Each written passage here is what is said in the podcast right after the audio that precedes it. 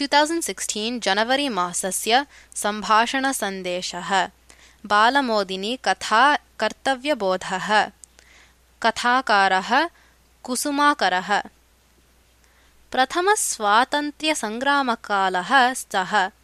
तस्य सङ्ग्रामस्य प्रमुखः आसीत् नानासाहेबः। यः नानासाहेबस्य उपस्थितिं सूचयेत् तस्मै पञ्चाशत्सहस्रं रूप्यकाणि दास्यन्ते। इति घोषितम् आसीत् आङ्ग्लसर्वकारेण। अथ कदाचित् बुभुक्षया पिपासया श्रान्त्या च पीडितः नानासाहेबः एकस्य गृहस्य द्वारं ताडितवान्। द्वारस्य पुरतः नानासाहेबं दृष्ट्वा गृहस्वामिनी नितरां सन्तुष्टा सा महता आदरेण तं स्वागतीकृत्य स्नानाय सर्वं व्यवस्थाप्य भोजनं परिवेशितवती।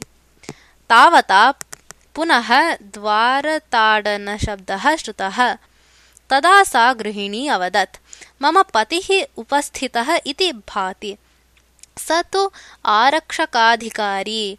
अतः भवान् अट्टे निलीय तिष्ठतु भोजनं समाप्य सः यदा बहिः गच्छेत् तदा भवान् अधः आगच्छतु इति।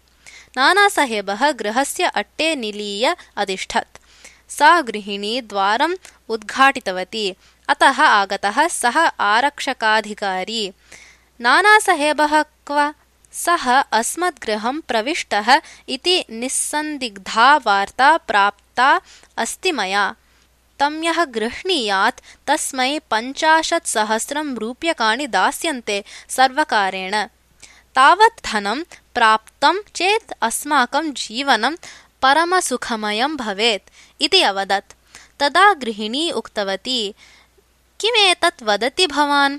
देशभक्ताः यथाशक्ति उपकरणीयाः साहाय्यदानेन धनार्थं तेषां ग्रहणाय प्रयासः न उचितः इति।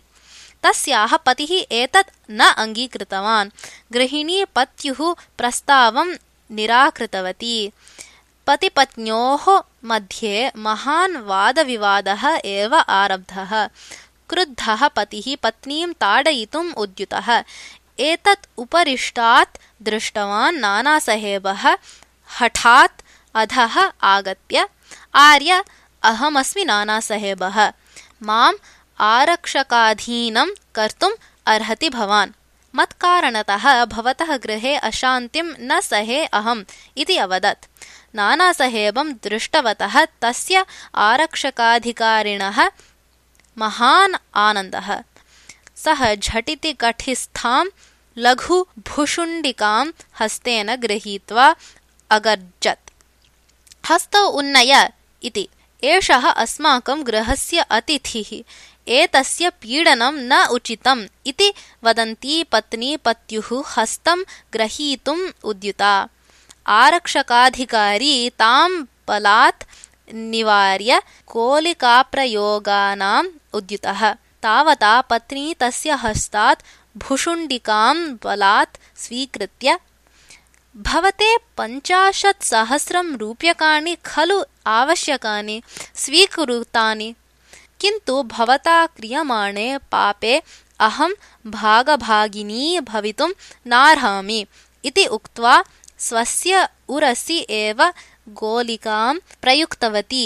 तस्याः उरस्तः रक्तधारा निर्गता सा गतप्राणा जाता नानासाहेबः अग्रे आगत्य तस्य रक्तं तिलकरूपेण ललाटे धृत्वा अवदत्।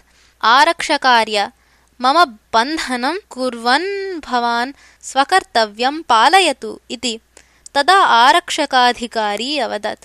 मम कर्तव्यं किं भवेत् इति इदानीम् अवगतं मया। इतः परं मम जीवनं देशसेवार्थमेव। भवान् अचिरादेव इतः निर्गत्य आत्मरक्षणं करोतु। अत्र यत् करणीयं स्यात् तत्सर्वं समाप्य अहमपि देशसेवामार्गम् अनुसरिष्यामि इति। कथा समाप्ता